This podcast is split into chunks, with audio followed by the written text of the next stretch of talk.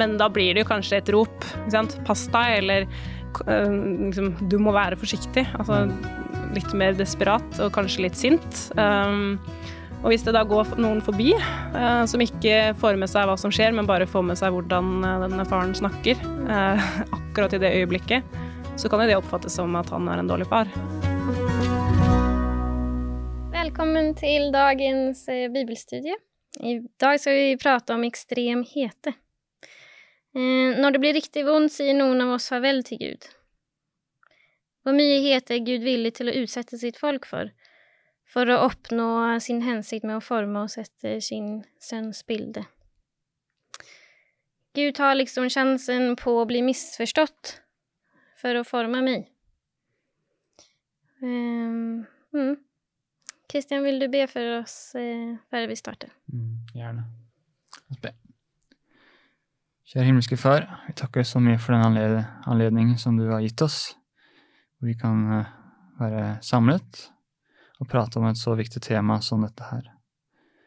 Jeg ber at du må veilede oss til å prate sannhet, at vi, at vi også kommer nærmere deg. Jeg ber at du må fylle oss med din kjærlighet og Den hellige ånd, slik at vi kan få denne veiledningen, og at vi kan bruke den tiden her til å prise deg og gi deg all æren som du fortjener. Så ber jeg altså igjen at vi klarer å komme nærme deg og forstå litt mer av det, det du prøver å fortelle oss gjennom Skriftene og Bibelen. Ber Jesu Kristi navn. Amen. Amen.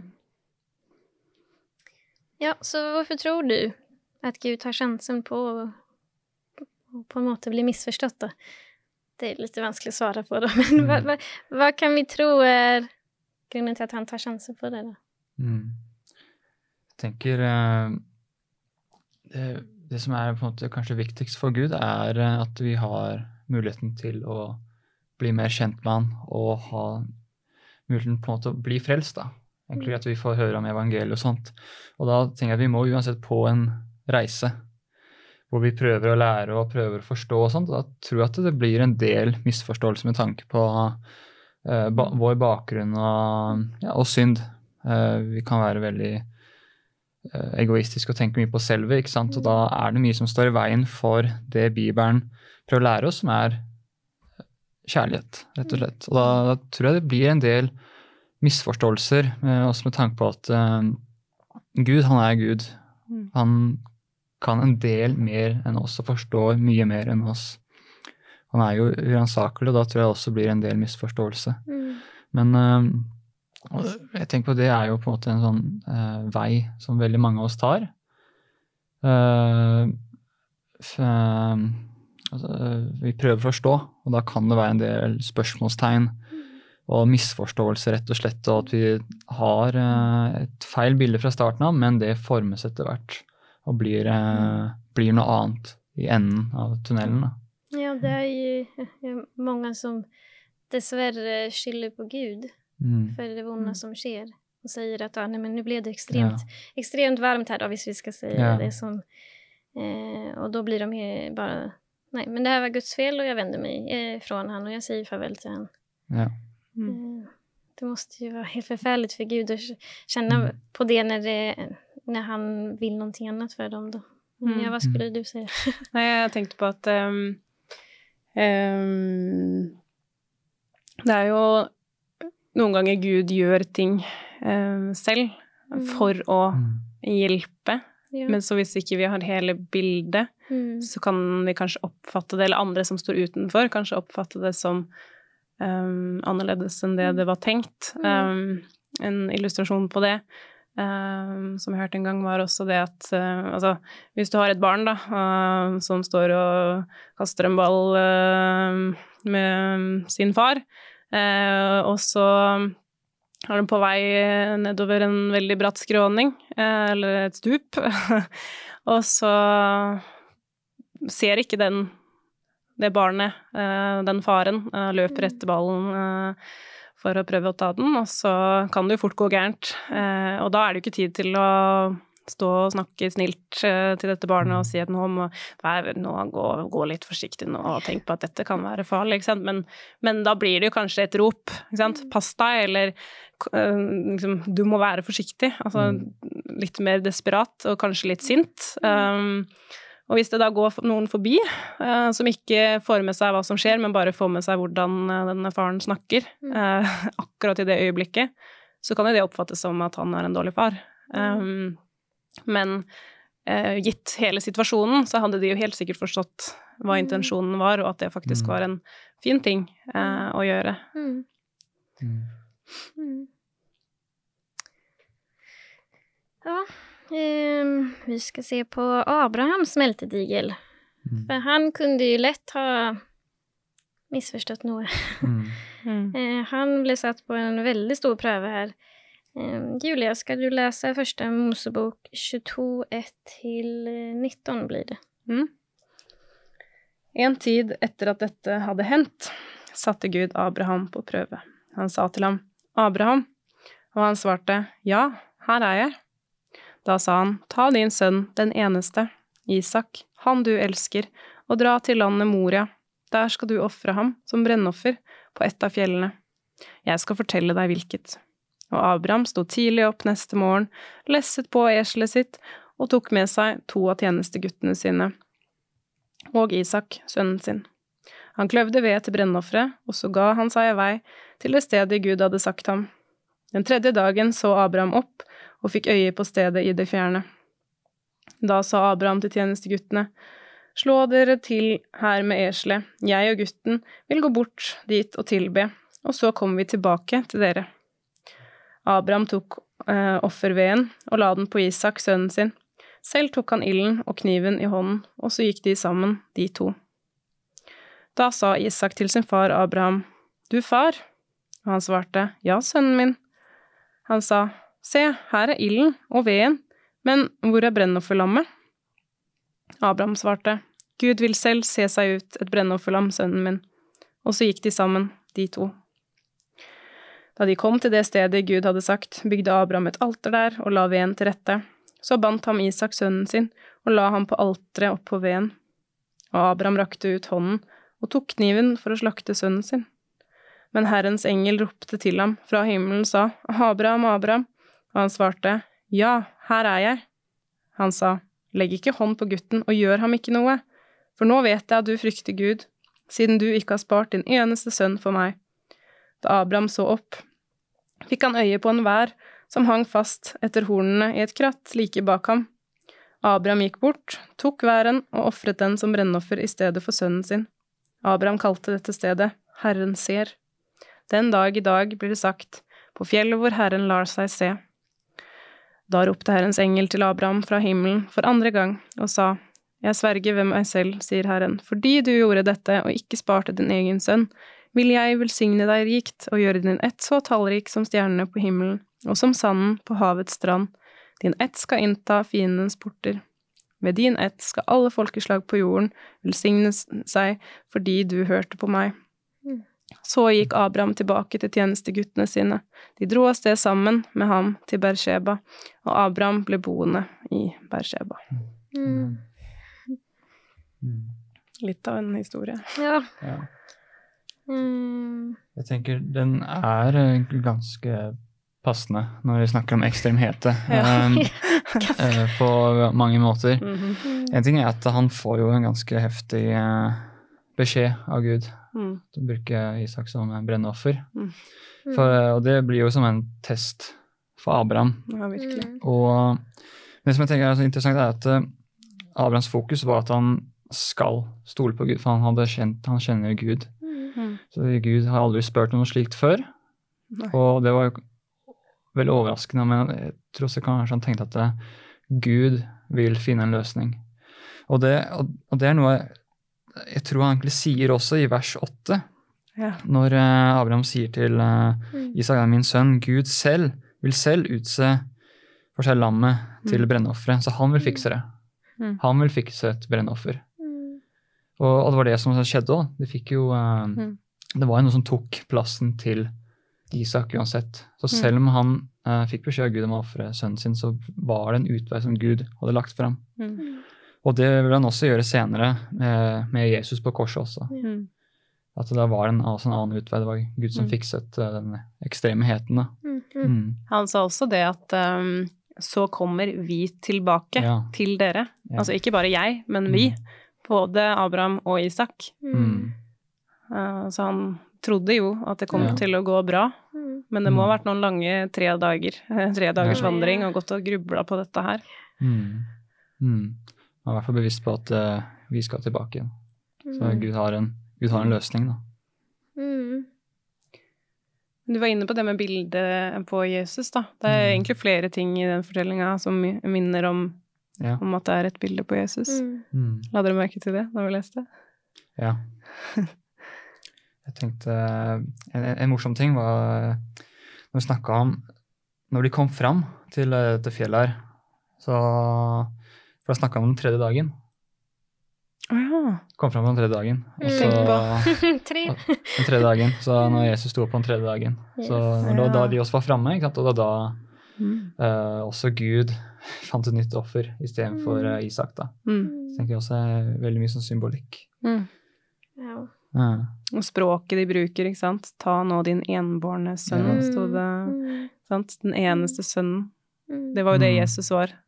Johannes 3, 16, ikke sant. Ja min sønn, den enbårne, mm. skulle han på en måte ofre på korset. Det var det mm. Gud gjorde.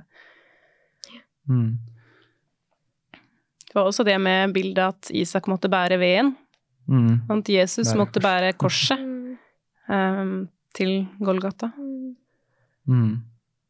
Det er kult, det står jo at uh, Abraham alltså, Han er en av de her troshältarna i Hebreerne 11 også, at han, han trodde. Mm han trodde verkligen att mm. Mm, det, det, Gud hade sagt om löftena och allting. Så mm. Selv om han inte visste helt utfallet här eller att, och det må ha följt kämperört at han måtte offra sin son. Ja. Mm. Och liksom mm. när han inte ens hade haft något barn och så får han ett barn mm. och allt det där. Men han, han trodde på löftena om att men jag ska bli, mitt folk ska bli stort, mitt folk ska bli till välsignelse. Och liksom allt det där. Jeg synes den her er utrolig heftig. Mm. Jeg har av og til tenkt på at nesten er litt urettferdig for de som levde i Gamle testamentet, fordi de har på en måte ikke sett Jesus mm. Mm. og at han døde på korset. Mm. Men her så fikk jo Abraham egentlig se det. Jeg tror at han mm. kanskje forsto hva Guds planen plan var, at han fikk en mm. forklaring på det. For det står i hvert fall at han, Herren blir sett. Eh, sant? Jeg kalte han det fjellet. Eh, det står også i Nye testamentet en plass om at Abraham så Gud, og kanskje så hans virkelige karakter, da. Eh, og hva han var villig til å gi. Mm. Ja. Absolutt. Um, nøkkelen til at han lærte gjennom prosessen, er at han kjente Guds stemme, og sånn som du sier, at han, han så, liksom. Mm. Um, hvordan kjenner du Guds stemme? Mm. Hvordan kommuniserer han sin vilje til deg?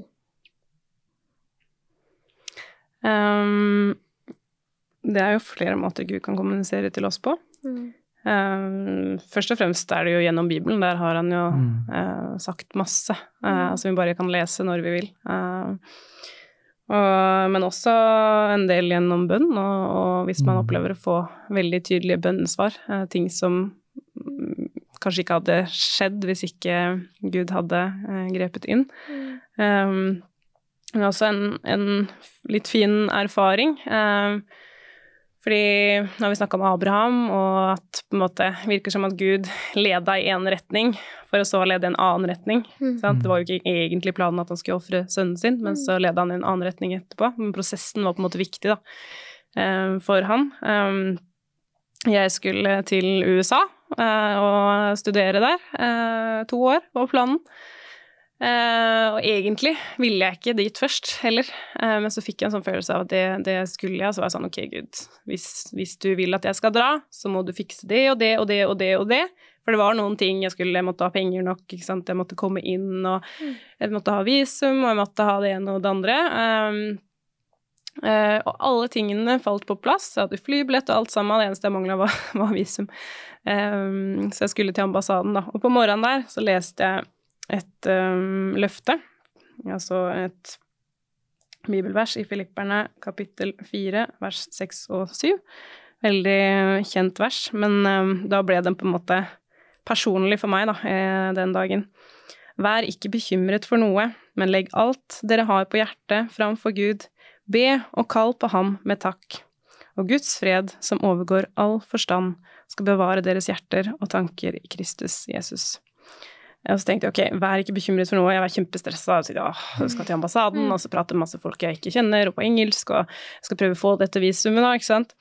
Eh, men så står det da, ikke sant, legg alt dere har på hjertet framfor Gud, og be og kall med takk. Så tenkte jeg ba på en måte om alle mulige utfall.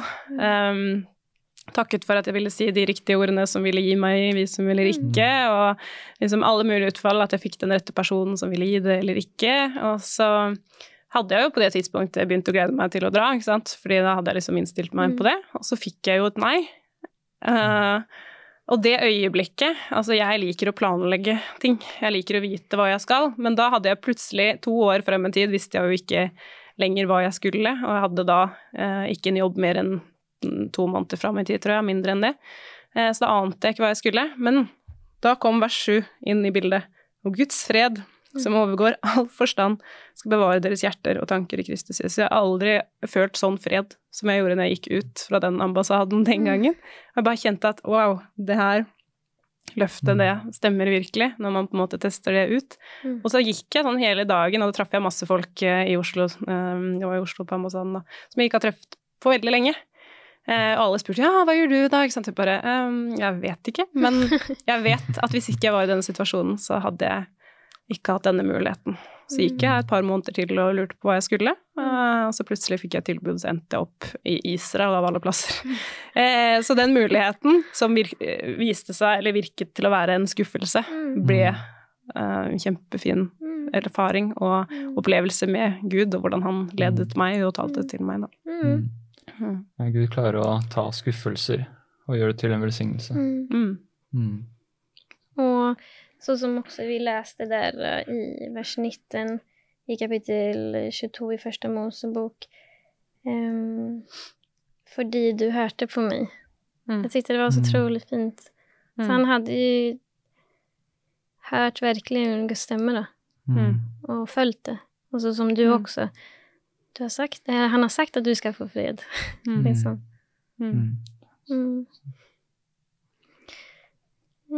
ja. Vi skal se litt videre på jobb, faktisk. Igjen. Eh, og det å overleve eh, gjennom tilbedelse, da. Eh, han jobb stod i de, sin lidelse, det, det, han er jo kjent for det der. Mm. Eh, vi skal se litt på hva som skyldes jobb, jobbs lidelse, og eh, hvordan han reagerer på prøvelsene. Mm.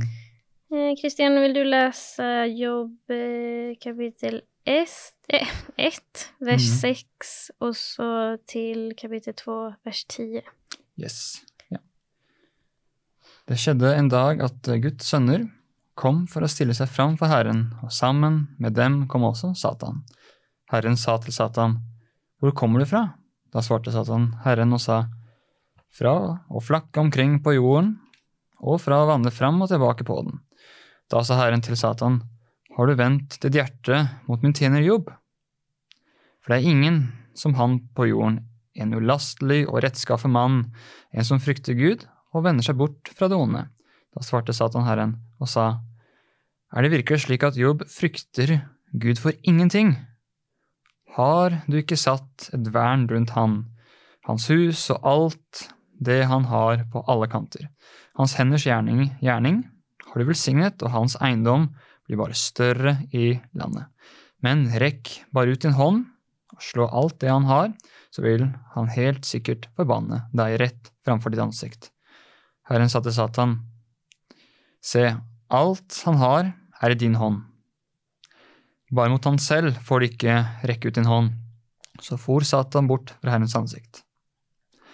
En dag da hans sønner og døtre spiste og drakk vin i huset til deres førstefødte bror, skjedde det at en budbringer kom til Jobb og sa, Oksene holdt på å pløye, og eselhoppene beitet ved siden av han. Det angrep sabeerne, og de tok dem med seg bort. Så tjenerne slo de med sverdets egg. Jeg var den eneste som slapp unna, så jeg kunne fortelle deg det. Mens han ennå talte, kom også en annen og sa, Guds ild falt ned fra himmelen og satte fyr på sauene og tjenerne og ødela dem fullstendig. Jeg var den eneste som slapp unna, så jeg kunne fortelle deg det. Mens han ennå talte, kom også en annen og sa, Kalderene dannet tre tropper, styrtet fram mot kamelene og tok dem med seg bort.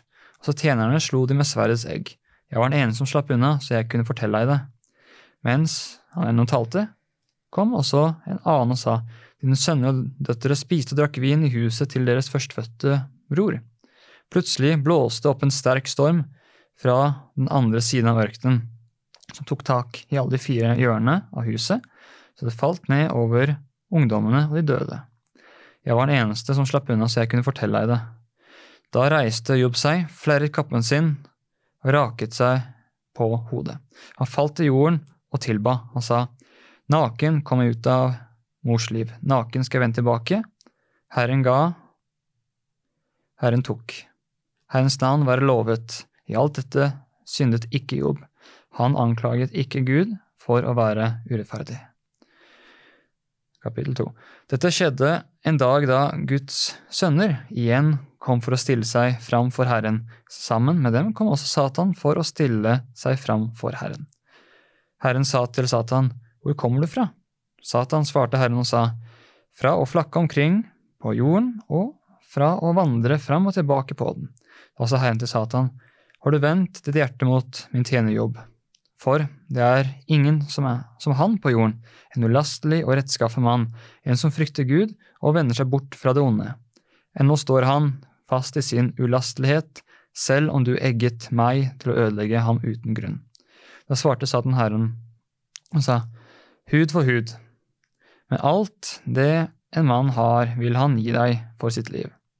Men rekk ut din hånd og rør ved hans bein og hans kjøtt, så vil han helt sikkert forbanne deg rett framfor ditt ansikt. Herren sa til Satan, se, han er i din hånd, men spar hans liv. Så gikk Satan bort fra Herrens ansikt og slo jobb med smertefulle byller fra isse til fotsåle. Han tok seg et eh, potteskår som han skrapte seg med, mens han satt midt i askehaugen. Da sa hans hustru til han, Står du fortsatt fast i din ulastelighet? Forbann Gud å dø. Men han svarte henne, Du taler som en av de dåraktige kvinnene.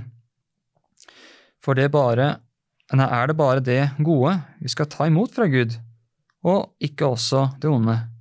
I alt dette syndet ikke Jobb med sine lepper. Amen.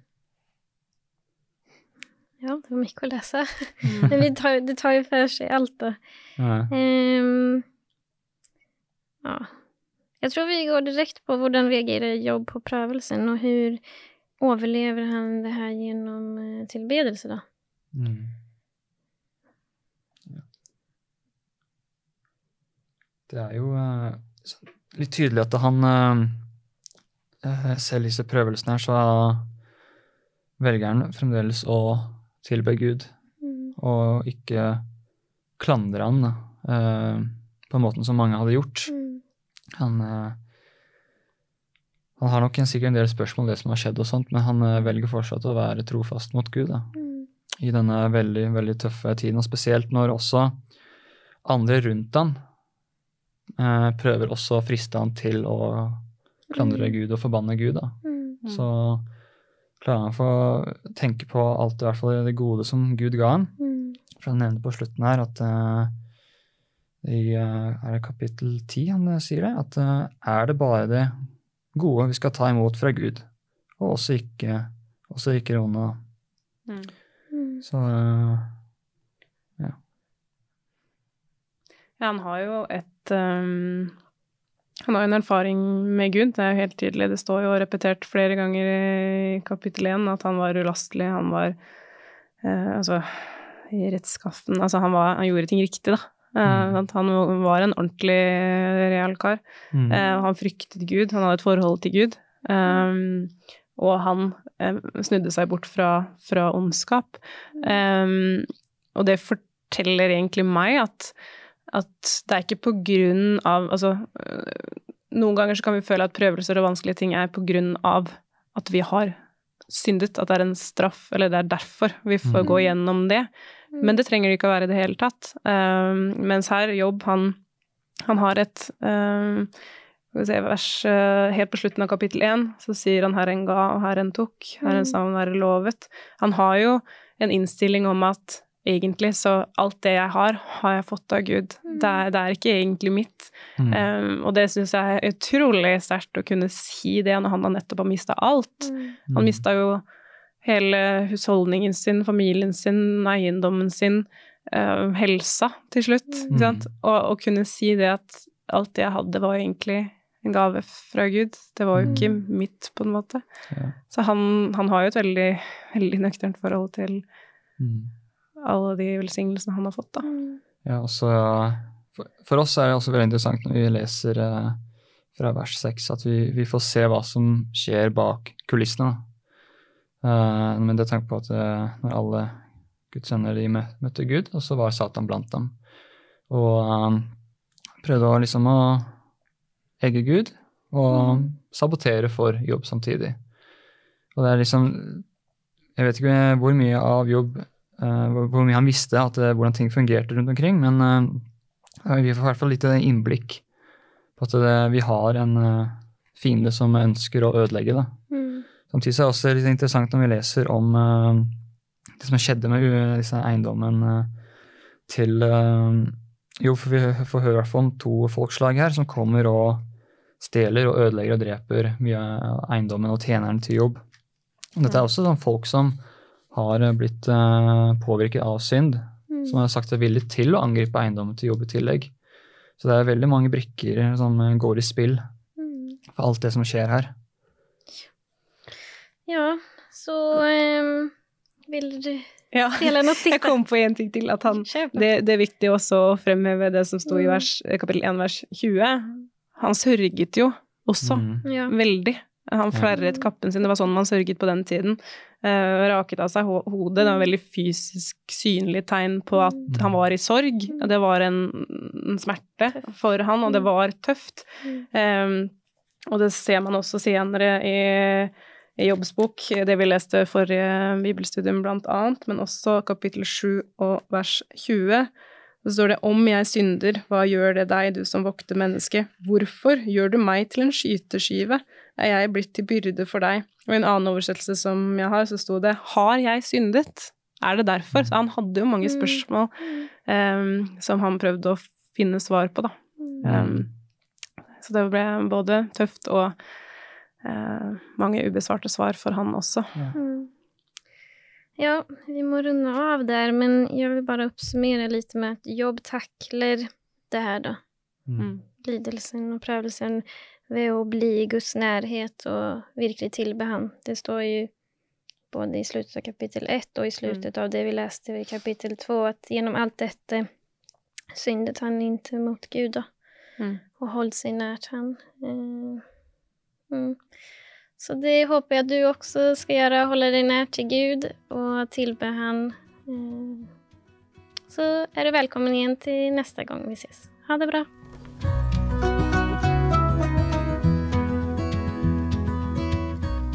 Har nå hørt podkasten Bibelstudier fra Syvendedagsadventistkirken, produsert av Hope Channel Norge.